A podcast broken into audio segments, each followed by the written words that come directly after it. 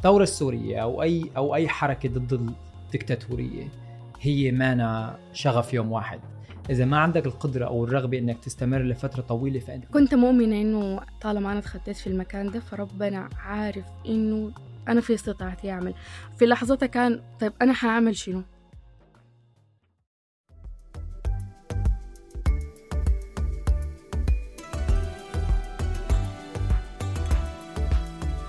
جيل بعد جيل نتوارث عالم ليس لنا وبدون أي مقدمات يصبح لنا.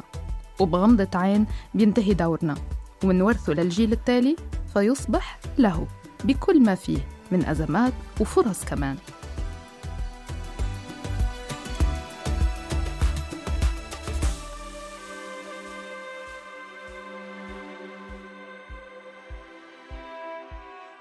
بودكاست لنا من مناظرات الدوحة. مساحة لتلاقي جيلنا اليوم. لمناقشة ومحاججة أفكارنا وتجاربنا على اختلافها. ونتلاقى ونختلف برؤياتنا لواقعنا ومستقبلنا. بلساننا. مهما تعددت آرائنا رح يضل صوتنا لنا, لنا.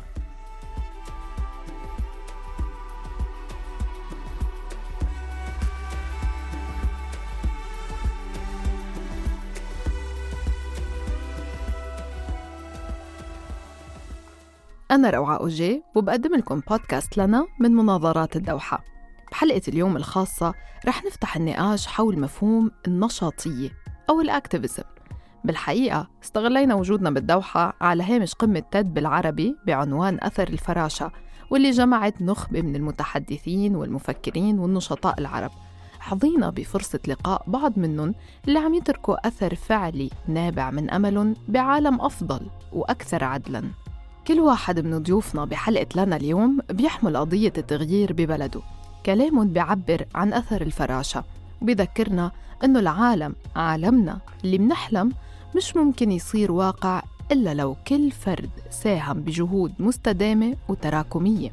حتى لو كانت غير مرئية ثمرتها بتنحصد على المدى البعيد. ضيوفنا يمكن ما بيحبوا لقب ناشط أو ناشطة بس هيك العالم بينظر لهم. بما أنه أسماء ووجوه معروفة محليا ودوليا. ومع هيك دردشنا معهم عن ممارسة النشاطية وتحدياتها. نفتتح الحلقة بحوار مع الناشطة السودانية ألاء صلاح. مثل كتار من شابات السودان ألاء كانت كنداكا أو ملكة باللهجة السودانية. اللقب اللي أطلق على المتظاهرات اللي وقفوا بالصفوف الأمامية للمطالبة بإسقاط حكومة عمر البشير. من سنة 2018 كطالبة جامعية ألاء اختارت الشارع وانخرطت بالاحتجاجات بشكل فردي بجانب الآلاف غيرها. الحراك السياسي خلاها لاحقا سنة 2019 تنشهر بسبب فيديو هتفت فيه بعفوية مع رفاقة بالشارع. كيف بتحكي طالبة الهندسة المعمارية عن تجربتها السياسية؟ يلا نسمع. تنويه الحوار تسجل بشهر مارس آذار 2023 يعني قبل اشتعال القتال الحالي في السودان ألاء صلاح كيفك؟ أهلين يا روعة كيف انتقلتي من شخص انضم للمظاهرات بطريقة عشوائية وفردية لشخص يقود المظاهرات؟ إحنا كشباب كلنا كنا قائدين مش آلاء أو مين أو مين أو مين أدوارنا كانت متكاملة أنا بهتف في ملايين بيهتفوا.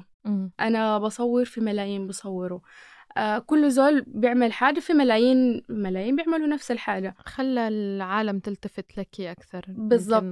آه يعني أنا في لحظة واقفة بكل الإيمان بقضيتي وأنا بهتف. هو مش بس كان الهتاف في المكان داك يعني الهتاف في اليوم داك كان في عشرة مناطق مختلفة في محيط القيادة كان من ضمنهم آه لما طلعت في سطح العربية. الحتة دي كان حلوة شديد لي لأنه شفت بنات بيهتفون. طبعا يعني من أول يوم طلعت فيه في الثورة فكمية البنات وكمية النساء اللي كانت حاضرة كانت مطمئنة لقلبي جدا. فزي كأنه نحن كتار وسوا بنقدر. فيعني من المواقف مشيت هتفت معاهم كانوا بيهتفوا كده يعني جمع جميل من من البنات ربنا يديهم العافية ومن هنا بوجه لهم تحية. بعد خلصت قمت طوالي دخلت أنا كمان حاهتف معاكم يعني. فإحنا حافظين حافظين كل الهتافات لأنه إحنا بنردد فيها من من شهور يعني. بس فجأة ما أعرفه طلعت كيف؟ فطلعت. لكن لما خلصت okay يا بنات أنا حانزل كيف هسي. فمدوا لي يدين وساعدوا لي لحد ما قدرت أنزل. وكمان أنا لابسة التوب يعني التوب في حد ذاته الحركة به ما مريحة شديد. فكيف أنا طلعت لأ هو ربنا اختار الحاجة دي. ربنا خلاني أنا في المكان ده خلى لنا هارون تحياتي ليها من هنا المصورة. آه، صاحبة الصورة تكون في المكان اللي أخذت منه الصورة خلى أشعة الشمس في لحظة من اللحظات. هو كان بعد المغرب يعني مم. الغروب خلاص انتهى. فخلى الحلق في لحظة يبقى بزاوية معينة عشان ما يلتقط أشعة الشمس وتنعكس. فده مشهد يعني من ربنا. مشهد أيقونة نق- نقدر نقول في البداية رفضتي رفضتي هذا اللقب لماذا؟ وهل غي... هل الآن تقبلينه؟ الفكرة الأولى يعني لما جات في بالي الزخم بتاع الكلمة ذاتها يعني أنا بعمل في الحاجة اللي أنا بعمل فيها لكن الكلمة يعني حسيتها كبيرة شديد في لحظتها. عرفتي وأنا كنت مؤمنة إنه في ناس قدمت كتير كتير كتير بعمري يمكن هم بقدموا للوطن ففي لحظة من إنك واحد مع الناس لواحد بتمثل الناس مم. تحمل قضاياهم مم. وأحلامهم وبتناقشها فقوة الكلمة يعني لما تكون على مسمعك ما زي لما تكوني أنت ال- اللي بتعملي في الحاجة ففي لحظتها كانت كلمة كبيرة شديد بالنسبة لي يعني فاحتجت وقت عشان استوعبها لكن ما احتجت وقت عشان أعمل يعني عشان أستمر في الحاجة اللي أنا بعمل فيها لكن يا يعني ربنا اختار الحاجة دي اختار الصورة وأنا لما أعاين لها ما بعاين لها في آلاء صلاح. لها في مرأة سودانية بثوب السوداني. الثوب الأبيض. آه الحلق ال- التفاصيل السودانية ال- القوة بتاعت الصورة لما انت تشوفيها بتحس إن الصورة دي قوية صح؟ فالمرأة السودانية هي بنفس القوة. وإحنا عندنا التاريخ مضال قيم وعظيم يعني من سبعة ألف سنة. حضارات و... وتاريخ متناقل جيل عن جيل. فأنا لما أعاين اليوم للصورة فبحس فيها قوة المرأة السودانية. بحس إنه المرأة السودانية هي الآيكون كانت لل... للثورة وكده مش إنه كمان بس مختزلة مثلا في آلاء وكده لأ. آه، آلاء واحدة من النساء شاركوا وقدروا شيرين النساء لعبوا دور كبير. مم. حضورهم 60% من المواكب. دي كلها حاجات يعني بتعني لي كثير جدا ف... صحيح هو يعني تحديدا دائما هناك أشخاص يبرزون ويصبحون هم الأيقونة للثورة لأن الناس دائما تحتاج لشخص واحد يمثل آه، يخاطب الناس أكثر خصوصا من هم خارج الثوار اللافت يعني بصورتك أنها صورة الكنداكة هناك الكثير من الأحيان البعض لا يذكر اسم ألاء صلاح وإنما يذكر الكنداكة وأحييتي نوعا ما وعرفتي من لا يعرف بالكنداكة. بمعنى وبتاريخ نساء السودان هو إحنا لما نطلع على الموكب بننسى أسامينا منه لأنه في الشارع اسمنا كنداكا. كل أعمارنا بس انت بيت أو آه، بيت صغيرة مرأة, مرأة كبيرة انت كنداكا مم. كنداكا اللي هو أنت قررتي إنك تنزلي الشارع فأنت بتملكي الشجاعة والقوة وال والنضال بتملكي حاجات كثيره مقومات الكلمة ذاتها يعني أنا لما يتقال لي كنداكا أنا بكون يعني مبسوطة إنه اتقال لي كلمة كنداكا يعني كلمة بعظمتها إنها بتتمثل فيك أو أنت بتحمل الصفات بتاعة القوة دي فدي كانت حاجة حلوة شديد يعني فكان كلنا اسمنا كنداكا في الشارع مم. لما مثلا تحصل اضطر الموقف في وقت من الأوقات يغير الطريق بتاعه لأنه حصل آه، وصلنا لنقطة فيها مواجهة مع الأسلحة. فعشان أنت تحفظ نفسك لازم تغير طريقك أو تشوف حاجة. فبيبدأ بيقولوا كنداكا ما بعرف آه، أمشي ورا كنداكا تعالي يمين كنداكا كده يعني. آه. كان هما كلمتين كل- آه، الكلمة الأولى كنداكا لنا نحن كبنات وكان في كلمة شفاتي للأولاد آه شفاتي دي برضو يعني كلمة دلالتها قوية. ما ما ما عارفة في التاريخ هي ترجع لأي فترة لكن طبعا كنداكا راجعة لسبعة ألف سنة يعني. دي حاجة عريقة أكثر. جدا. كيف تعاملتي مع كل هذا الإعلام الدولي والآن يعني ما زلت أنت تناصرين آه، قضية السودان وتذهبين إلى محافل دولية وتتكلمين آه، عن الحقوق التي ما زلتم تطالبون آه، بها كيف تعاملتي؟ هل أحيانا هناك سلبيات أم الإيجابيات دائما هي التي تطغى؟ بالنسبة لي الإيجابيات هي التي تطغى دي. الحاجة أنا أنا شخصية بحب ال- أنظر دايما للجانب المشرق وللنص المليان من الكوباية. حتى أنا ما بعين إنه هو في نص مليان ونص فاضي.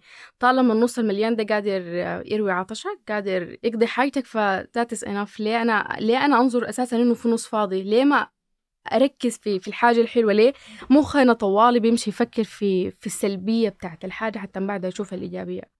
بس هيدا عكس النشاط على فكرة يعني لأنك أنت تركزين بمطالب ما ينقص.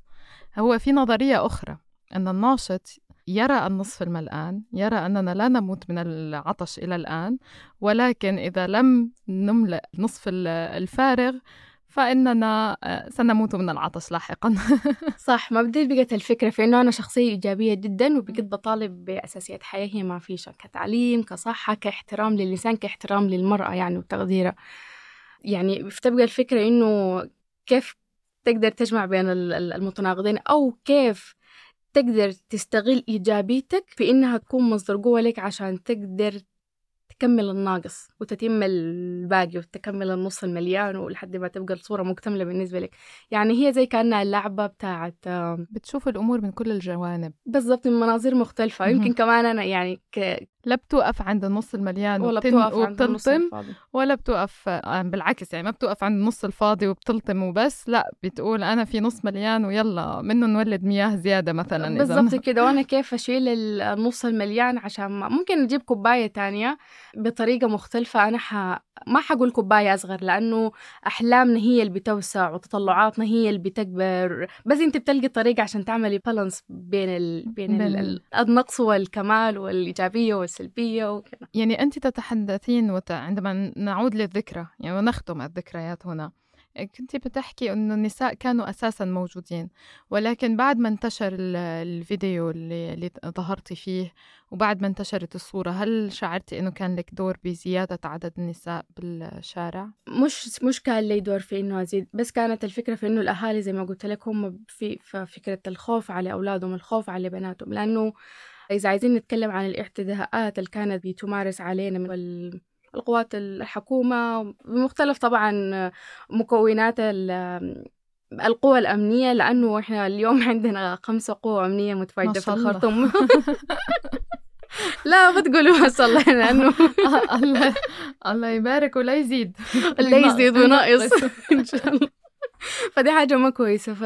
فشوفي يعني انت بتكوني مواجهة كل ال... كل, كل القوات الأمنية دي وكلهم فكرهم انه انت آه، ما لازم يطلع لك صوت ما لازم يكون لك وجود أساسا. يعني فبيحاربوك بكل الطرق. يعني من حكومة البشير اللي هي عملت سياسات وعملت قوانين عشان يعني ما تقيد وتحرم النساء من من حضورهم من مشاركتهم من من إنه أصواتهم توصل من إنهم يلاقوا حريتهم في الحياة. يعني الأمهات السودانيات ما بيقدروا يسافروا مع أطفالهم خارج السودان من غير تصاريح من الآباء. يعني يعني بعض الحالات قد يكونوا في مشاكل بين الآباء والأمهات. ف في قصص أطفال فقدوا حياتهم لأنهم كانوا مفروض يسافروا عشان يتعالجوا. وبقت العائق القانوني اللي إنه بقول لازم الأب يكون موقع على موافقة على أيوه موافقة على إنه الطفل يسافر. فالأب غايب لظرف أو لآخر ففي أطفال فقدوا أرواحهم. فشوفي انت انت كأم يعني فكرة الأم بتشوف الحاجة دي قدر شنو مؤثرة عليها إنها بتبقى الطفلة عشان قانون وضعه آه نظام. فالنظام هو كان فكر إنه لازم يكسر النساء. يعني أنا إذا ما إذا ما كسرتك آه ممكن أكسر كلمتك ممكن أكسر حضورك ممكن أكسر ثقتك. كيف أنا قادر أكسرك؟ أنا كنظام قادر أكسرك أنت كمرأة أنا حأعمل الحاجة دي. دي كانت ال... وكثير من القوانين وكثير من التشريعات اللي اتعملت بس للنساء. يعني دي حاجة يعني إحنا كنساء كنا بنواجه في حكومة وبنواجه في تغيير بتاع معتقدات وتغيير مم. بتاع وعي لا يعني الحرب بتاعتنا كانت, كانت مضاعفة. ضخمة ومضاعفة والحمل بتاعنا كان أكبر آه كمان أنا بتذكر النساء في مناطق النزوح والحروب هم فقدوا مأواهم فقدوا آه زاويهم يعني فبتبقى في لحظة هي الأم والأب وهي الكل في في العيلة يعني الوظائف عليها والمهام بتكبر وبتكتر. فالنساء في السودان قدر شنو؟ هم عظيمات قدر شنو؟ رغم التحديات دي كلها قادرين يطلعوا أجيال واعية وأجيال متعلمة وواعية بحقوقها وهم يعني يعني في أم بتقول إنه أنا ما لقيت حقي في التعليم لأنه سبب التهجير وسبب كده. لكن أنا كل فرصة أقدر أخلي بناتي يتعلموا أنا مم. حخليهم يتعلموا. يعني كانت بتسوق بنات ال- المدرسة كانت في حتة بعيدة في منطقة بعيدة من من مكان سكنهم. فكانت يومي بتقطع المسافة تودي بنات ترجع تجيبهم وتاني تمشي. فقالت إنه أنا ف... يعني أنا الحاجة دي ما أخذتها فأنا عايزة بناتي ياخدوها الرحلة كانت صعبة لكن دائما الصعاب بتوصلك ل للبراحة اللي أنت بتلقي فيه نفسك بتلقي فيه إنه أنت قادرة تحققي غايتك. وقادرة تحققي نفسك. هل حملك الناس أكثر من طاقتك بعد أن أصبحت أيقونة؟ لا يكلف الله نفسا إلا وسعها. كنت مؤمنة إنه طالما أنا اتخطيت في المكان ده فربنا عارف إنه أنا في استطاعتي أعمل. في لحظتها كان طيب أنا حأعمل شنو. ما انت بين يوم وليلة أنا حأعمل شنو؟ أنا حابدأ أشوف أنا حأعمل شنو لكن إنه يكون عندي زمن عشان أقول أنا ما قادرة أعمل ده ما كان في خياراتي. ده ما كنت حاجة أنا بقدر أتقبلها يعني. آه التجربة كانت كبيرة. يعني آم، أنا اليوم يعني مش أربع سنين من الكلام ده. تجارب اللي أنا عشتها والقصص اللي أنا عشتها في الأربع سنين دي يمكن في حاجات طبيعي كنت محتاجة عشر سنين عشان أنا أعيشها. فالحاجة دي صقلتني وخلتني أقوى. واثقة في نفسي أكتر. مع أنا اتخطيت في مرحلة وخلاص أنا حكون قادرة. فكوني تيست المراحل دي اليوم لما أتذكر أنا اتخطيت كل الحاجات دي فالحاجة دي بتخليني أعرف إنه الإنسان بيكتشف حاجات في نفسه هو ما ما متوقعها لما نتخطى في الحاجة. لكن طالما أنا مثلا بعاي من بعيد بحس إنه الموضوع ده صعب الموضوع ما ممكن أعمله. راس راس الإنسان بيبدأ بت... يعني عقله بيبدأ بيرسم له إنه أنت ما حتقدر. لكن أنت بتقدر. مم. وبقيت باخدها قاعدة في حياتي لما يكون عندي حاجة عايزة أعمله وبين أوكي أو أعملها بكرة وكده فبقوم بقول لا أنا حاخد نفسي فيها. عشان أنا أقدر أعمل فبقت لي خلاص بقت لي تجربة إنه أنا بستعملها في حياتي الطبيعية إنه إذا في تحدي أنا حأخوضه حتى من بعدها أكتشف لا أنا بعرف حاجات أكتر في نفسي وكده ف... هل تعتبرين نفسك الآن ناشطة؟ يعني في البداية كنت ثورجية مع الكل بعدين أصبحت تمثلين الآخرين هل تعتبرين نفسك ناشطة؟ وإذا نعم ما هو الناشط؟ أي إنسان هو حامل لقضية وحامل لفكرة عاوز يدافع عنها وعايز يطالب بها هو ناشط. أيا كان المجتمع اللي هو جاي منه أيا كان الفكرة هي هي فكرة حقوقية فكرة رياضية سياسية أكاديمية مجتمعية. أيا كان الفكرة جاية شنو جاي من وين. طالما أنت بتحمل القضية دي فأنت ناشط أنت مهمتك توصل فكرتك وتدافع عن قضيتك. فكو يعني إحنا يعني أنا أنا اليوم ناشطة ليه؟ لأنه أنا بحمل قضية وعندي فكر وعندي معتقدات وعندي مبادئ. أنا المبادئ في حد ذاتها هي الاستاند اللي أنا واقفة عليه عشان ما أقدر أحقق قضيتي وغايتي. فإذا تخليت عن مبادئي في لحظة من اللحظات ما ح... يعني ما حقدر أصل لقضيتي. الطرق بعد كده بتبدأ تلتاف وتتحول لكن لا أنت متمسك بمبادئك فأنت قادر تصل لقضيتك. فأنت بتحمل قضية فاذا أنت ناشط ولازم لازم تدافع عن قضيتك ولازم توصل فكرتك. لا هناك أشكال كبيرة كثيرة ومتنوعة من النشاطية نوعا ما. ولكن الآن مع مواقع التواصل الاجتماعي هناك البعض ينتقد أن هذا يستعرض وليس فعلا صاحب قضية خصوصا عندما يكون ناشط ليس فعلا من أبناء البلد أو من أصحاب القضية لأنه يمكن أنا مثلا كلبنانية أنا أدعم قضية ألاء ولكن طبعا لا أعتبر نفسي صوت السودان و... وأحكي به بهذا الموضوع بشكل دائم. عندما كنتم تثورون طبعا كنت أتكلم ولكن أعرف أن مساحتي هي محدودة. هناك من يتبنى القضية لدرجة أنا شخصيا لا أحكم. صراحة. أنا أعتبر أنه أي شخص يحق له طالما هو ينشر لو يؤثر بأشخاص ولا يؤثر بآخرين. ولكن هناك من يرى أحيانا فيها تمييع أحيانا فيها تشتيت عن القضية أحيانا فيها تشتيت عن أصحاب الصوت الذي يجب أن يبرزون أكثر من غيرهم. برأيك ما هي الفرق بين النشاطية الحقيقية والنشاطية الاستعراضية؟ يمكن الفرق في في الحاجة اللي بتتعمل وفي النتيجة اللي بيصل لها الناشط الحقيقي من الناشط الاستعراضي. حتى كيف أنت بت بتمارس نشاطك ده؟ لما تكون عندك قضية حقيقية وعندك مشاعر حقيقية تجاه الحاجة فأنت ممكن تعمل حاجات الناشط الاستعراضي ممكن في لحظة من اللحظات ما هيعمل لأنه ما مؤمن بالقضية أو هو بس يعني شو خلاص أنا أشوفه أنا عملتها وكده. لكن طالما أنت مؤمن فأنت حتخوض صراعات ما في زول حيقدر يخوضها إلا الإنسان المؤمن زيك. فحتصل أماكن صوتك حيصل ليه؟ لأنه هي حدود فبقف فيها الاستعراضي بواصل فيها الحقيقي. مم. الحدود دي اللي هي الإيمان هو اللي بيخليك إنك تتعدى الحدود دي. هو اللي بيخليك إنك تتخطاها مش تتعداها هو اللي بيخليك إنك تتخطاها عشان زي كأنه هو سلم أنت أنت مم. طالع. ومعاك زول يعني معاك زول ما حقيقي طالع. ففي لحظة من اللحظات أنت مفروض تنط. فالحقيقة أنا ليه أنط آه، أكسر رجلي أو يحصل فيني حاجة؟ لكن الحقيقة بنط لأنه إحنا في السودان أيام المواكب ياما نطينا حيط وياما نطينا تروس تروس الترس ده إحنا كنا بي بنضعه من خشب صخور مم. حديد أحجار أي حاجة بتخطر على بالك ممكن تعيق من وصول للعربات عربات القوات الأمنية ليك فأنت بتنطها مم. فزي أنا بقول لك إنه أنا بعد أخلص الهتاف بقول أنا حأنزل كيف ففي لو في زول ما حقيقي ما بيفكر إنه أنا كيف حأطلع فخلاص هو بيرمي المقدود أنا ما حأطلع. لكن أنت طالما مؤمن فأنت ما بتشوف ما بتسأل نفسك أنا حأمشي كيف أنت بتلقى نفسك مشيت لكن في لحظة بتقول أنا دعاية لورا بتقول أنا مشيت ده كله يعني مم. أنا وصلت هنا فده الإيمان مر عليك. مر عليك كثير من النشطاء الاستعراضيين هم في حياتنا مش كانوا بس كانوا شطاء في في حياتنا وفي مجتمعاتنا في كل المجالات في الحقيقي وفي ال في الاستعراضي والحمد لله أنا عندي الحدس إني أنا أقدر أميز. بين الاي فقادرة قادرة أميز وقادرة أعرف أتعامل مع منو يعني. لازم كمان لازم تعرف إن انت بتتعاملي مع منو يعني. آه وكمان عايزة أرجع لك لنقطة فبتقولي انت مثلا في وقت من الأوقات كنت بتتكلمي لك ومتبنيه القضية انت انت بتدافع عن عن القضية لأنك مؤمنة بيها مم.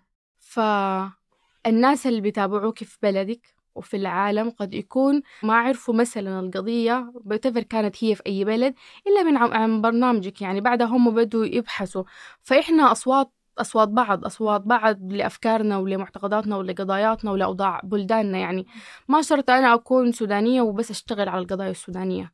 يعني أنا اليوم مهتمة بالتعليم جدا. بدأت في تأسيس المنظمة إن شاء الله منظمة تهتم بتعليم النساء والأطفال. فما حقول لا والله أنا بس حأعني التعليم ده بس السودان.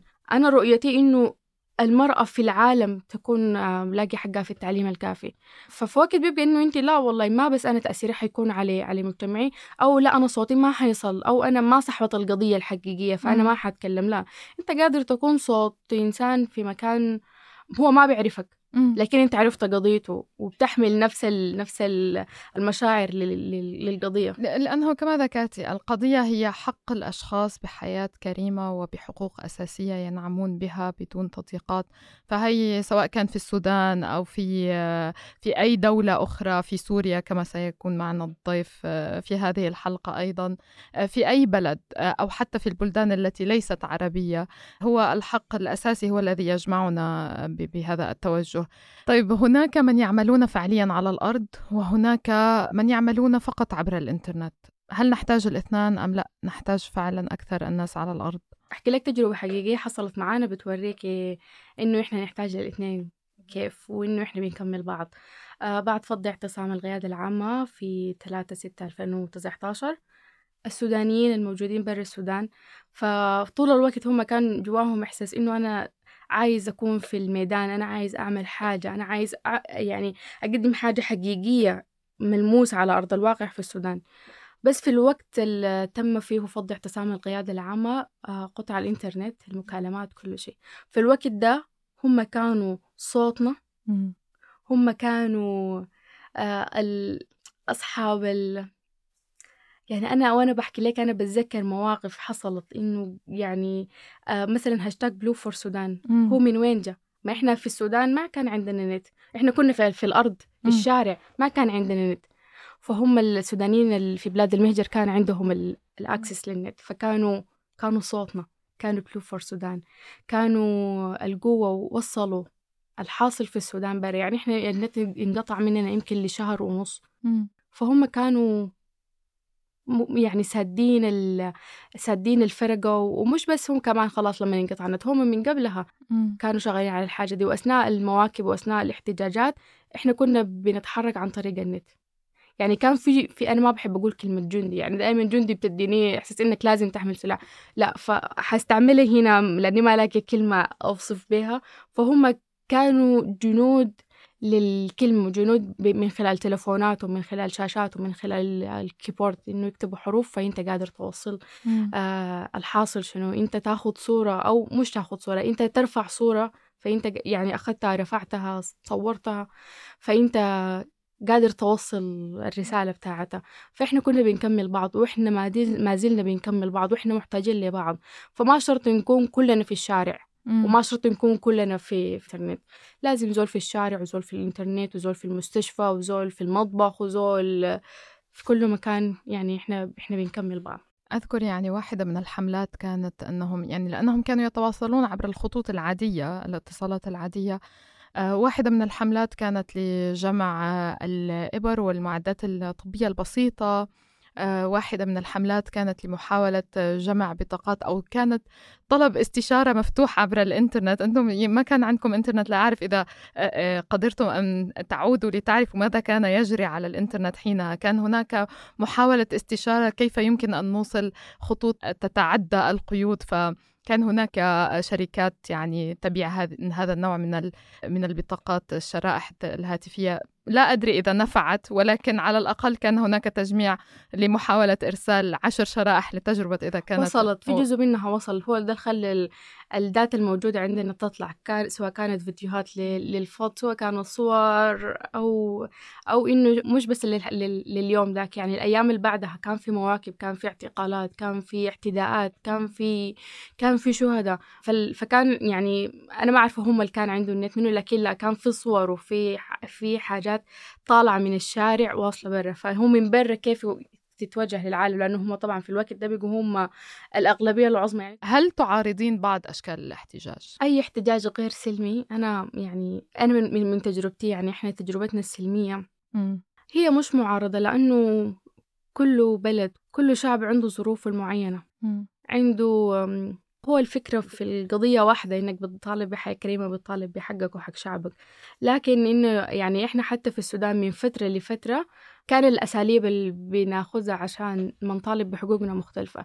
يعني فترة من الفترات كان لازم مواقف في الشارع. فترة من الفترات إحنا يعني بالسوشيال ميديا قادرين آه نحرك حاجات. فيمكن بعتقد بس ال- ال- الحاجة اللي بتجمعنا آه، أول حاجة لو جمعتنا دي بتقدر ما حقول تحفظ في الأرواح لأنه إحنا كنا سلميين يعني ثورتنا كانت سلمية تماما. فما بحكي لك عن إنه الإحصائيات الليلة عندنا كم شهيد وكم معتقل وكم آه، تحت الاختفاء ولحد اليوم هم ما معروفين وين.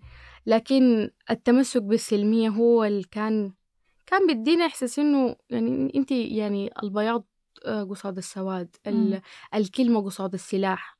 الفكرة في إنه بس فإذا تمسكوا بسلميتهم أيا كان الطريقة أو أيا كان ال- الموقف فبس التمسك بالسلمية بقدر الإمكان ده ممكن يخليك مرتاح نفسيا. لما لما انت ترجع فعلى الأقل هم أذوك أي لكن أنت ما أذيت. فالقضايا بتختلف الظروف بتختلف الجغرافية يعني جغرافيا دي في حد ذاتها إحنا في السودان من من مدينة لمدينة كان أساليبنا مختلفة. فبس اللي كان بيجمعنا سلميتنا هناك البعض عانى بعض الناشطين أو النشطاء عانوا من إجهاد آه، واحتراق نفسي. هناك من فقد الأمل خصوصا عندما يطول الصراع وسيطول الصراع لأنه هكذا هي الثورة آه، تطلق عجلة ولكن تكون بطيئة نوعا ما في التغيير الحقيقي للقوانين لل- للآليات وما هنالك كيف يمكن أن يحافظ الناشط على أمله وتفاؤله وعطائه.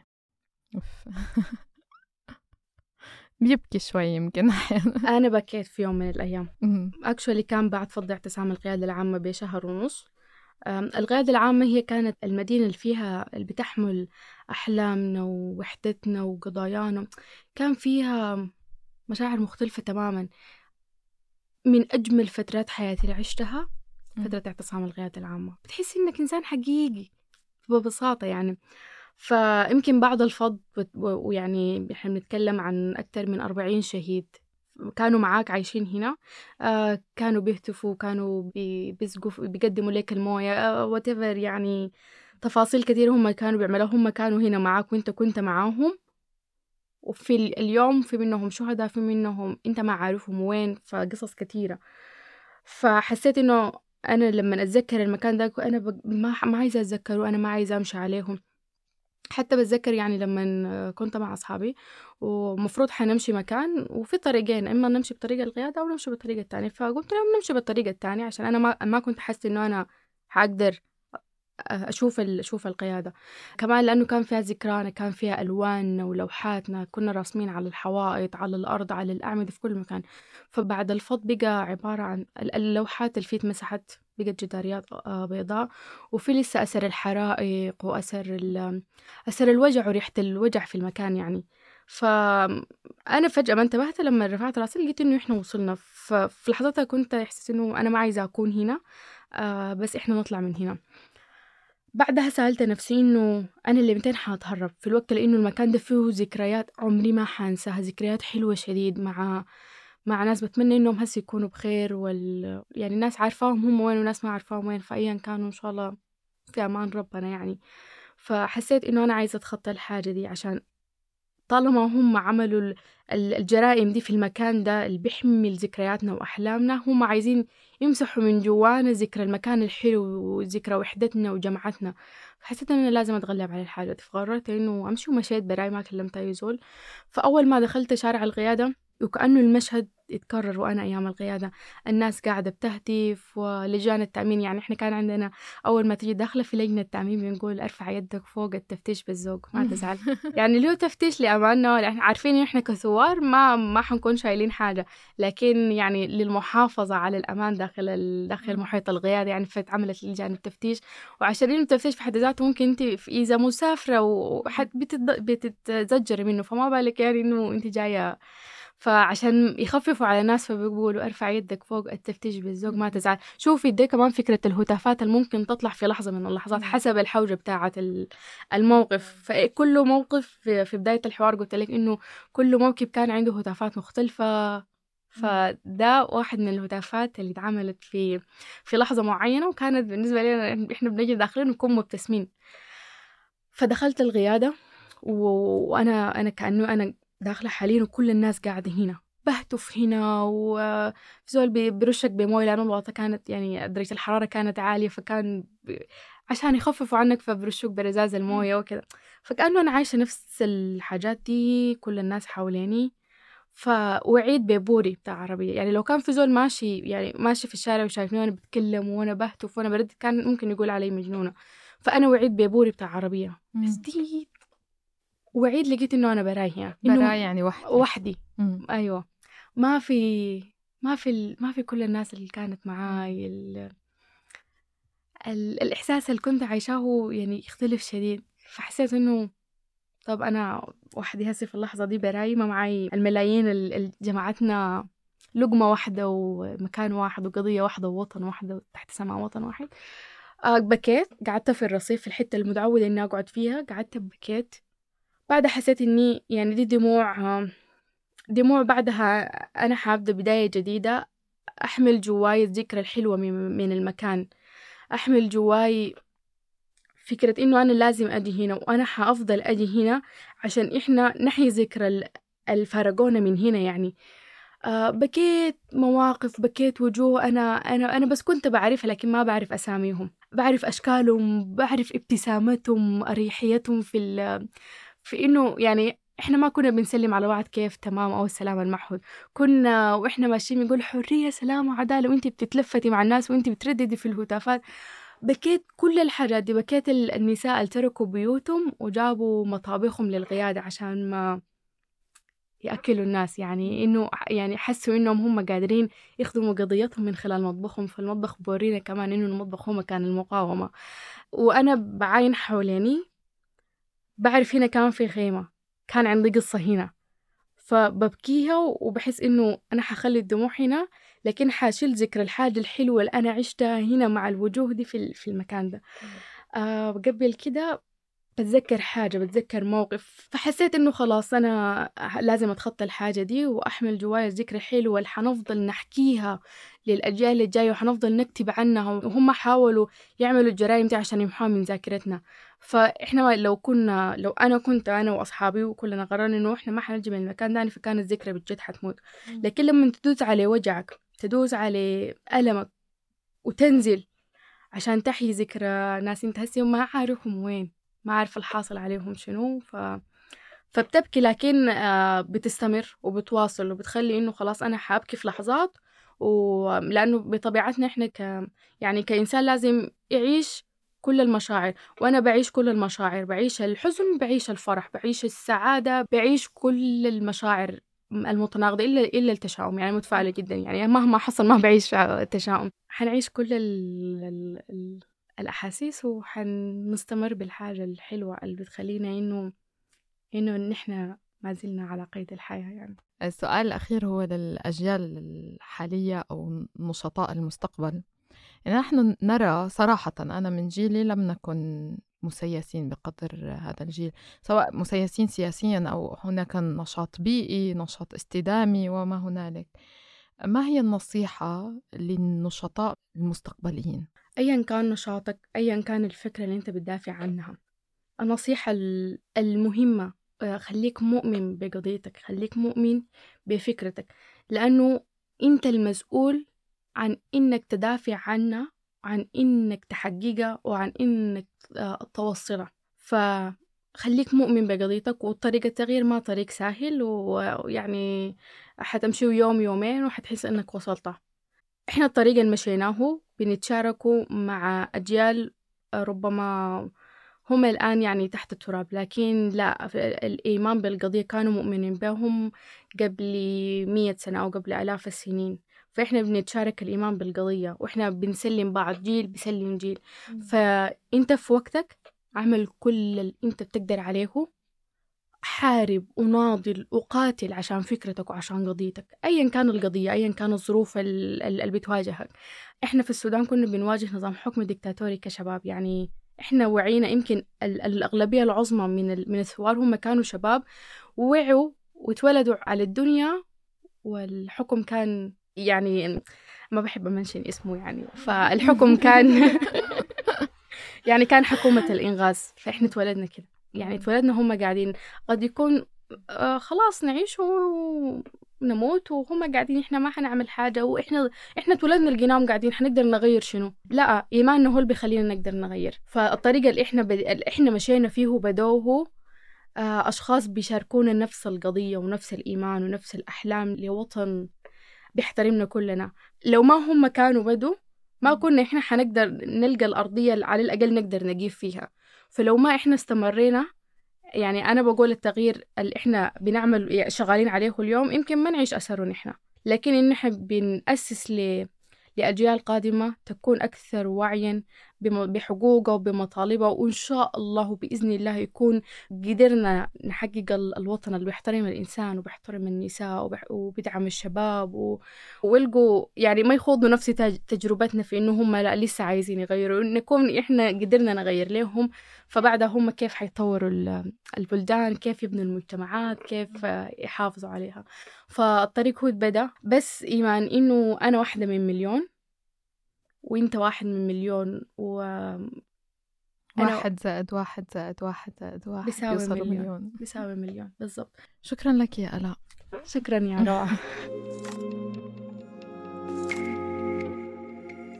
ضيفي الثاني بحلقة لنا هو عمر الشغري لداء العذاب تحت إيدين النظام السوري. حرفياً. عمر اعتقل كذا مرة بسوريا وتعذب بسجن صيدنايا اللي بيوصف بالمسلخ البشري. بعد خروجه من سوريا عمر مكرس حياته ليحكي للعالم عن شو عم بيصير داخل سوريا. عمر متخصص بالخطابة ورواية القصص كوسيلة للتأثير. وبالمناسبة عمر كان أحد سفراء مناظرات الدوحة وهي مبادرة بتركز على إيجاد الحلول وتزويد الجيل القادم من صانعي التغيير بالمعرفة والأدوات والعلاقات اللي بيحتاجوها من أجل تحقيق تغيير إيجابي بمجتمعاتهم. مع أنه ألاء وعمر بيتقاطعوا بمبادئهم للمطالبة بالحرية والعدالة لكن تجربة عمر أثبتت له أنه التغيير الحقيقي ما بيصير إلا بعمل سياسي منظم وأنه العفوية بلحظة اشتعال الثورة مش كافية لتحقيق تغيير مستدام. اسمعوا كلام عمر واعذرونا على الضجة الموجودة بالخلفية بسبب الزحمة اللي كانت بالمؤتمر وقت التسجيل. بالنسبة إلك ماذا يعني أن تكون ناشطا؟ بداية أنا ما بعرف عن نفسي كناشط وإنما بعرف عن نفسي كشخص. عانى من النظام السوري عانى من الاضطهاد السياسي والاضطهاد الإنساني. آه، واضطريت انه يكون آه، شخص يمثل القضية اللي أنا عانيت منها آه، يلي هي قضية الاعتقال السياسي والتعذيب بالسجون السورية. ما بعرف آه، عن نفسي كناشط سياسي ابدا. لأنه بحس إنه هي مسؤولية أي شخص بغض النظر عن المجال اللي هن موجودين فيه إن كان سياسي أو اقتصاد أو فن أو أو رياضيات أو فيزياء بغض النظر أي شخص عانى كونه بالسجون السوري الأشخاص اللي عم يعانوا هن أطباء مهندسين محامين آه، عمال آه، عمال بالفنون أو بالتنظيف ومن كل المجالات الأشخاص عم تتعذب. لذلك كل الأشخاص من كل المجالات لازم يشاركوا بالدفاع عن عن هاي القضية عن قضية آه، المطالبة بالمعتقلين إنه يطلعوا إنه يوقف التعذيب والقتل. يعني النشاط السياسي برأيك لا يجب أن يقتصر فقط على من يعاني مباشرة وإنما على خصوصا ربما على من لا يعاني لأنه يملك رفاهية أن يكون صوت من يعاني. ولكن هناك انتقادات للبعض في هذه الحالة أنه البعض يمارس النشاط الاستعراضي. برأيك ما الذي يميز النشاط الحقيقي عن النشاط الاستعراضي؟ سؤال جميل جدا. آه، على ما أعتقد من خلال تجربتي بالساحة السياسية إلى حد ما أو الساحة القانونية أو الإنسانية. بعتقد الأشخاص الأكثر فعالية هن الأشخاص اللي ما بتعرفيهم هن الأشخاص اللي ما بتشوفيهم آه، بالتلفزيون هن الأشخاص اللي فعلا آه، بيشتغلوا بهدوء جدا. وأنا على سبيل المثال بعرف شخص آه، هو الشخص اللي ساعدني أوصل لأي شيء وصلت له اليوم لأشتغل بأفضل طريقة على على قضية المعتقلين أو قضية سوريا بشكل عام. هو شخص اسمه معاذ مصطفى. أنا لما تعرفت على معاذ مصطفى ما كان شكله لا شخص مميز ولا أسلوبه بالكلام مميز ولكن هذا الشخص كان عم يشتغل على سوريا من 2011 أنا ما سمعت فيه ابدا. وهذا الشخص كان فعلا كان عنده أسلوب رائع بتقديم القضية السورية. وهو أصلا ربي بأمريكا لأب فلسطيني وأم سورية. وهذا الشخص بحياته ما كان هدفه إنه ياخذ سمعة طيبة من عمله على سوريا وإنما كان هذا فعلا إنه أنا عندي مسؤولية هالسنوات إني أشتغل على القضية السورية قد ما بقدر لحتى تتحرر سوريا ويصير ديمقراطية وبعدين ما ما بتهمني سوريا. فهذا هو الشخص الصادق اللي أنا شفته. ولكن بنفس الوقت نحن مضطرين نحن محتاجين لأشخاص يكونوا بالواجهة. نحن ما بنقدر نكون فقط كنا عم نشتغل من من, من يعني ما بيعود حدا بيسمع من الحيط. ضروري جدا يكون أشخاص يمثلوا القضية. فأي شخص عنده إمكانيات محددة أنا ما عم مثل أو ما عم أطلع وأتكلم بقضية المعتقلين لأنه لأنه أنا فقط الشخص الوحيد الموجود وإنما لأنه أنا شفت إنه هي مسؤوليتي. سواء كنت أنا لحالي ولا كان في مئة ألف شخص عم يتكلم بقضية المعتقلين هذا الشيء ما بيغير من أسلوب ما بيغير من الدافع الموجود عندي. وأنا بحبذ وبفضل لو كان في آلاف من الأشخاص يلي آه عند سواء كانوا معتقلين سابقين أو عندهم أهالي أهاليين يتكلموا باسمهم. فأنا هذا الشيء بعتبره مهم جدا. نحن دائما لازم نبني الكتلة الأقوى لأنه أنا أحيانا ممكن يصيبني شيء. أنا ممكن أمرض ممكن موت ممكن يصير أي شيء. لذلك لازم يكون في أشخاص جاهزين يعوضوا يملوا الفراغ. لأنه العالم آه، ذاكرته قصيرة المدى. جدا. إذا ما ذكرت العالم آه، بينسى مباشرة بينساك أنت وقضيتك بالإضافة لأنه العالم ما بيستوعب الأخبار بنفس الأسلوب. لذلك نحن لازم نكون مختلفين بطريقة نقل القصة. لذلك أنا دائما طريقة أسلوبي وأسلوبي بنقل القصة هي طريقة ترفيهية إلى حد ما. آه، لأنه أنا بعرف خصوصا أنا عشت بالمجتمع الغربي بعرف إن المجتمع الغربي ما بيتقبل العنف. حتى بالقصص حتى بالحقيقة ما بيتقبل العنف. آه، إنه يسمع العنف ما, بي ما, ما عنده استقبال مناسب للموضوع. لذلك أنا دائما بركز على الموضوع كيف بقدر أتكلم مع الجمهور الغربي عن قصة حب. عشت أنا كطفل. ولكن هاي قصة الحب انتهت فجأة. لطفل صغير بأنه بلش بلشت الثورة يلي حولها النظام السوري لحرب من خلال قتل مئات الآلاف من الناس. واللي هي نفس القصة لن ما حتستخدمها لما تكون عم تخاطب سوريين لأنه في أشياء تانية ممكن تخاطبهم أكثر. هيدي مهارة ولكن النشاط كمان ممكن يكون كل واحد لما يعرف شو مهارته. إذا أنت مهارتك آه، بأنك تفهم الجمهور وتقدم له آه، وتوصل الرسالة له هيدي مهارة. في ناس مهارتها بال graphic design في ناس مهارتها بحشد المساعدات المالية مثلا. في ناس مهارتها باللوجستيات لتوزيع هذه اللوجستيات. ولكن أحيانا البعض يستعرض آه، بالقضية بمعنى أنه يميع القضايا. خصوصا عندما تكون استنساخ لأصحاب القضية عبر ال social media. نجد أحيانا من ينادي آه، ثم لا لا ي... لم يتعمق بما فيه الكفاية بالمعاناة ليطرح المشاكل. ربما هذا هو هي المشكلة الحقيقية في الاستعراض آه، النشاطي.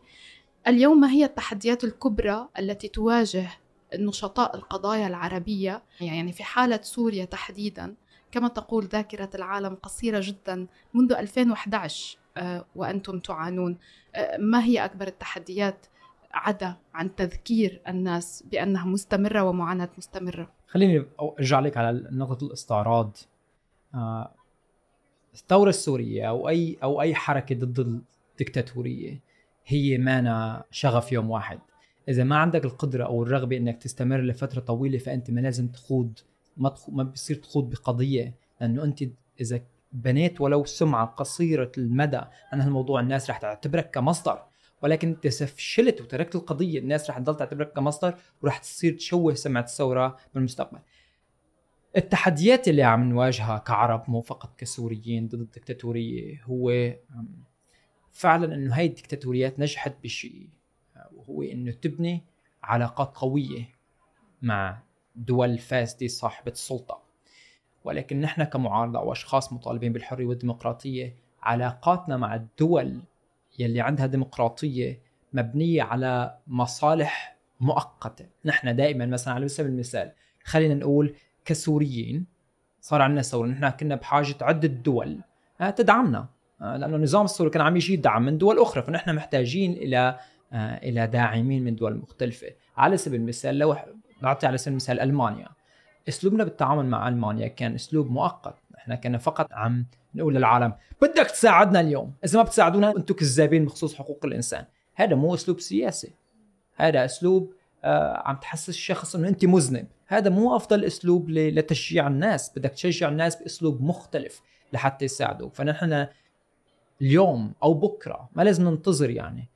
نحاول نبني علاقات طويلة الأمد مع الدول يلي عندها شعوبها عندها القدرة تاثر على الحكومات حتى يدعموا لأنه أنا ما بآمن بالحكومات الغربية وأنا ما بآمن بالشعوب الغربية يلي عاشت الديمقراطية والحرية وممكن إذا وصلنا لها بطريقة مناسبة فعلا يدعمونا ولكن إيماني الأساسي والأول هو بالشعوب العربية لأن الشعوب العربية عاشت الاضطهاد. هاي الاضطهاد رغم إنه سلبي جدا بيعطي قوة لأنه أنت عشت معاناة صعبة.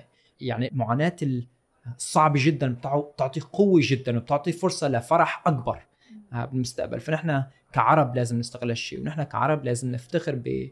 بأنه نحن عرب. فهي مشكلة نحن بنعاني منها. أنا أشوف سوريين كتير بيطلعوا على الغرب بيقول لك أنا بدي أنسى الشيء اللي صار ما بدي يفكروا فيني كلاجئ. رح يفكروا فيك كلاجئ إذا أنت عم تحاول إذا أنت عم تحاول تقدم نفسك بطريقة أخرى. فهذا شيء طبيعي رد طبيعي إنه يشوفوك من المنظور اللي أنت ما بدك إياه يشوفوك منه. لذلك أنت بتغير منظور العالم فيك لما بتنجح لما. بتساوي شيء مبهر. بتصير كل الدول بدها يقولوا هذا سويدي سوري. ما بيقولوا هذا سوري لاجئ حتى لو معه جنسيه عرفت كيف؟ فالنجاح هو أفضل طريقة. ونحن كعرب أهم شيء نحن بنقدر نسويه هو التعلم. ولكن أزمتنا بالتعلم بعد الدول العربيه وليس الأغلبية آه، وليس وإذا ليس جميع الدول هو إنه التعلم والمدارس عنا مبنية على أسلوب تعليم خاطئ. اولا نحن تعلمنا اللغة الإنجليزية ضعيف جدا. فنحن استكشافنا للعالم يلي الإنترنت مبني عليه هو ضعيف جدا. الشيء الآخر هو إنه نحن كعرب معتمدين على الحفظ والحفظ ما بيخلي المعلومات تتسجل بدماغك انت بتنساها بس تطلع من الامتحان. فيعني نحن على نظام الامتحانات يلي بعدها ما بتعلم شيء. آه، فهذه مشكلة. فنحن لازم نتعلم وهذا الشيء عندنا فرصة كبيرة اليوم لأنه في تعليم online. online بيعطيك إمكانية توصل لأي شيء. لازم تروح على المدرسة لأنه المدرسة كمكان بيعلمك كيف تاخذ commitment آه يعني إنك أنت تاخذ التزام. التزام لفترة طويلة. هذا الالتزام مهم جدا. نحن عم نعاني منه كسوريين. السوري آه، أحيانا ما عم يلتزم دائما. آه، بيعطي الشغف كبير. لاسبوع كامل بعدين بيغير بييأس. شغفه. آه، بييأس. بيقول لك ما طلع نتائج. النتائج ما بتجي بيوم ويومين. آه، ولا بسنة وسنتين أحيانا بتاخذ وقت طويل. بتذكر لما أول مرة طلعت وعطيت محاضرة بهدلة. كنت فعلا بهدلة. أنت؟ إيه كنت محاضرتي سيئة جدا لأنه كانت. أول مرة آه وكانت بلغة أنا ما متعود عليها والمرة الثانية كانت أفضل بشوي بس ضلت سيئة أخذتني سنتين ثلاثة أربعة حتى أحسن آه لغة تحسن أسلوبي بالكلام أول مرة بتذكر إنه أنا لما طلعت وتكلمت طرحت قصتي تكلمت عن الوحشيه اللي عشتها. فالجمهور ما بده ما بده يسمع ما بده. يسمع الوحشيه لأنه بحس إنه ما عنده القدرة إنه يساعد لأنه الوحشيه ضخمه جدا لذلك بالمرات القادمة حولت آه، خطابي من عن الوحشية اللي عشتها لأجمل اللحظات يلي عشتها بمكان صعب جدا ما لازم يكون متواجد. لأنه أنا لما بفرجيك أنه رغم كل المعاناة اللي عشتها في أمل فأنت بصير عندك أمل فيني بدك تساعدني لحتى تحقق نجاحات. ولكن أنا إذا بفرجيك الاضطراب النفسي والصعوبة والدمار اللي أنا وصلت له بتقول هذا راحت عليه. ما في داعي يساعده ما, ما راح يفيد شيء. فمهم جدا لما نحن بنحكي قصتنا لازم نعطي بصيص أمل ولو بسيط جدا لأنه هذا هو الدافع الأول لأي شخص بده يساعدك إنه يساعدك. طب هل هناك أشكال من النشاطية التي تعارضها مثلا؟ مثل الإضراب عن الطعام أو أو ربما كما قلت التركيز فقط على القصص السلبية لن أصفها بالقصص السلبية بل على الانتهاكات لأنها انتهاكات وهي قصص كبيرة ووحشية فعلا. في طرق مختلفة في أساليب مختلفة ببيئات مختلفة. على سبيل المثال الإضراب عن الطعام بسجون أحد البلدان العربية ممكن يكون له نتائج. إضراب عن الطعام بالسجون السورية بياخذوك على غرفة الإعدام بيعدموك مباشرة. نفس الشيء آه، بخصوص سرد القصص. آه، نحن عندنا ثقافات مختلفة حتى لو نحن بالوطن العربي الوطن العربي عنده ثقافات مختلفة. رواية القصة لازم تكون مختلفة. أحيانا لازم يكون شاب صغير عم يتكلم أحيانا لازم يكون فتاة أحيانا لازم يكون شخص مختلف.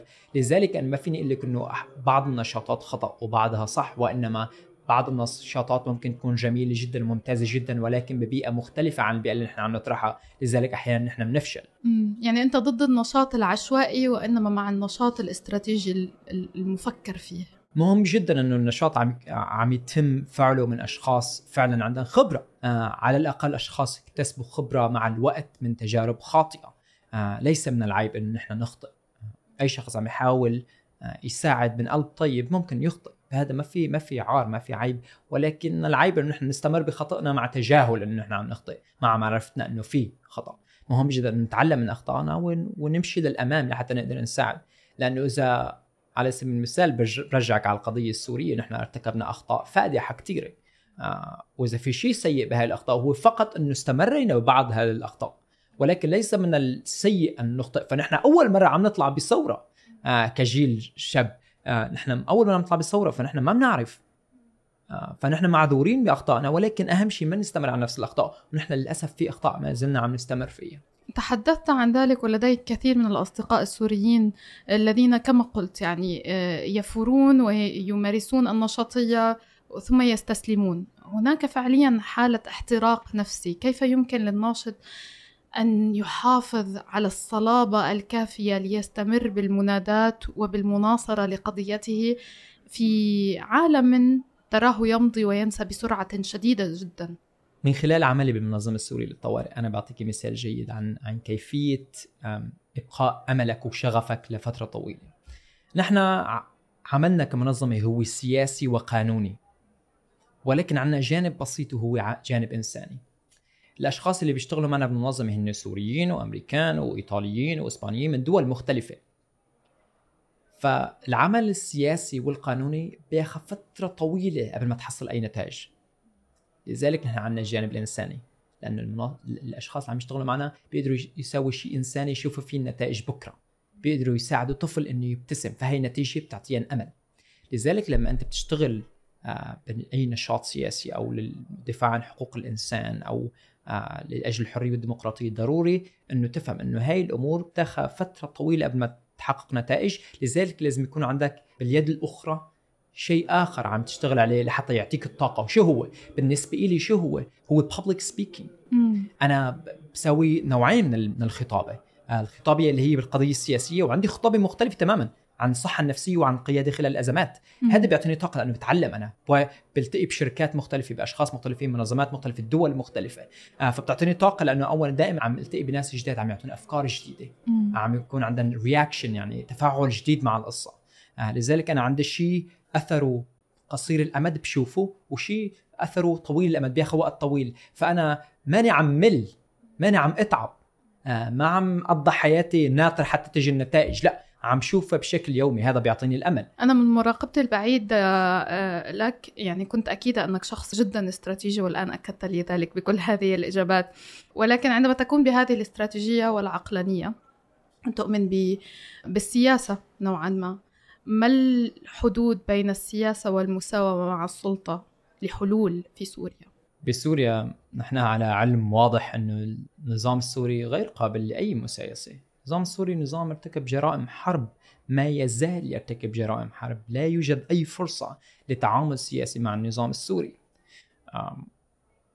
المجتمع الدولي مجتمع فاشل. الأمم المتحدة ومجلس الأمن هو هي من أفشل المنظمات الموجودة على كوكب الأرض حاليا بسبب إنه الأشخاص أو السلطات الدول مع أكبر جرائم الحرب موجودة بهذا المجلس. لذلك أنا كسوري ما عندي ثقة بهي المجالس لذلك بحاول اوصل صوتي للشعوب وراء هالممثلين.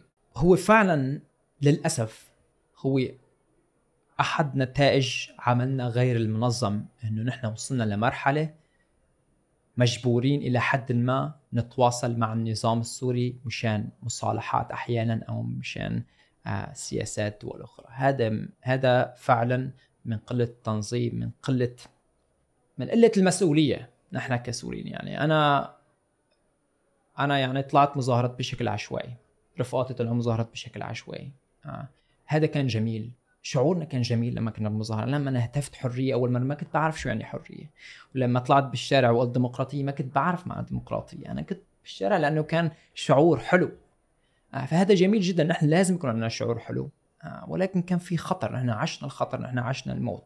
عشنا التعذيب. أنا شفت رفقاتي عم يموتوا معي. آه. ابن خالتي بشير. مات معي. كل حدا كل يوم يكون عندي رفيق جديد وهذا الرفيق بده يموت بكرة وراح ابني رفيق جديد. آه فنحن خلال هالسنين لازم تكون تعلمنا شيء مهم. لازم تكون تعلمنا شيء مهم إنه نحن لازم نجتمع سوا.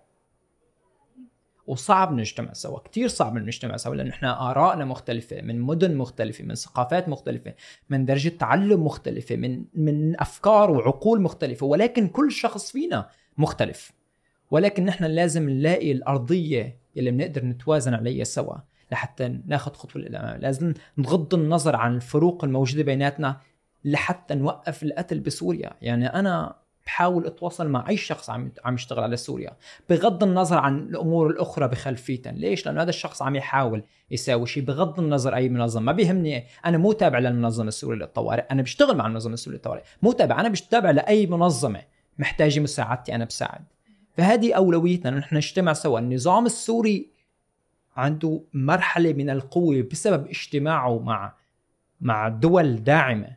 فنحن لازم نلاقي هالشيء بيناتنا كأفراد. نحن إذا ما توحدنا كمعارضة سواء كنا سوريين أو غير سوريين إذا ما توحدنا نحن غير قادرين على انه نحصل داعمين خارجيين. وإذا ما حصلنا هالشيء نحن ما رح ننجح. لذلك مهم جدا انه أنت تتحاول تتغاضى عن الفروق البسيطة بينك وبين بقية الناس لحتى نقدر نجتمع ونخلي تركيزنا الأساسي على المجرم الأكبر اللي هو النظام السوري سبب كل مشاكلنا كسوريين. كنتوا جيل شباب وكنتوا شجعان بالرغم من أنك هلأ يعني تلوم أنفسكم أنكم ما كنتم منظمين. ما هي نصيحتك لهذا الشباب اليوم الذي تراه يدافع عن كثير من القضايا؟ ما هي النصيحة التي تريد أن توجهها لهم؟ كل واحد عنا عنده موهبة. بسيطة أو, أو متقدمة. كل واحد عنا عنده شغف. كل واحد عنا بيقدر يلاقي قضية محددة عنده اهتمام كبير فيها لحتى يساعد. ولكن بحياتك بحياتك ما تساعد قضية من خلال إنك تساوي شيء ما بتحب تساوي. يعني أنا بكره الكتابة. بحياتي ما بكتب شيء لحتى ساعد سوريا لأنه أنا ما بحب الكتابة. فإذا كتبت شيء رح أول شيء أضغط نفسي نفسيا وما رح أكتب شيء مناسب. يوصل القضية. لذلك أنا بركز على الشيء اللي أنا بحبه هو الخطابة التكلم. فبركز على هذا الجانب. وأنت نفس الشيء ما تساوي الشيء بتكره تساويه لتساعد قضية مهمة بالنسبة لك. حاول تلاقي الشيء اللي بتحبه لأنه هذا الطريق الوحيد للاستدامة إنك تساوي شيء ممتع يكون له فائدة للآخرين. لأنه أنت إذا على سبيل المثال ما معك مصاري وتبرعت لسوريا رح يجي آخر الشهر ما معك إيجار البيت ما معك تأكل. رح تنضغط نفسيا رح تلوم نفسك رح تصير سوريا أزمة بالنسبة إلك. لأنك أنت ضغطت على نفسك لحتى تساعد ناس تانيين.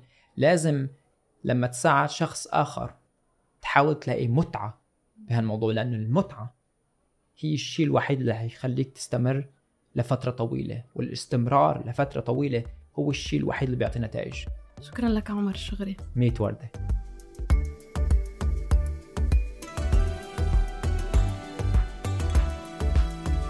لو وصلتوا لنهاية الحلقة بشكر حسن إصغائكم وبشكر ضيوفنا عمر الشغري وآلاء صلاح احكوا لنا هل في قضايا بتعني لكم شخصيا بتحسوا انها بتلاقي الصدى المطلوب أو يمكن ما بتلاقي الصدى المطلوب وهل في نموذج ناشط صادق وناشط استعراضي بالنسبة لكم؟ هل في ناشط أو ناشطة بيمثلوكم؟ وهل ممكن النشاط يقضي قضية ما بدل ما يخدمها؟ شاركونا آرائكم عبر حسابي @rawak r a وصفحة فريق مناظرات الدوحة عبر Doha Debates AR D O H A D E B A T E S A R على انستغرام وتويتر وفيسبوك. أنا روعة أوجي وهيدا بودكاست لنا من مناظرات الدوحة بالتعاون مع صوت. الحلقة من إنتاج رنا داوود وتصميم الصوت حسام علي. موسيقى البرنامج من تأليف استديوهات كتارا مناظرات الدوحة هي إنتاج من مؤسسة قطر. المنتجين المنفذين هم Japhet Weeks أمجد عطالله و Jigar Mehta شكر خاص لسمية الكبسي ومحمد طه. اشتركوا بلنا على تطبيق البودكاست المفضل عندكم. وما تنسوا تقيموا البرنامج على Apple Podcast Castbox وانتظرونا بحلقات جديدة لنا.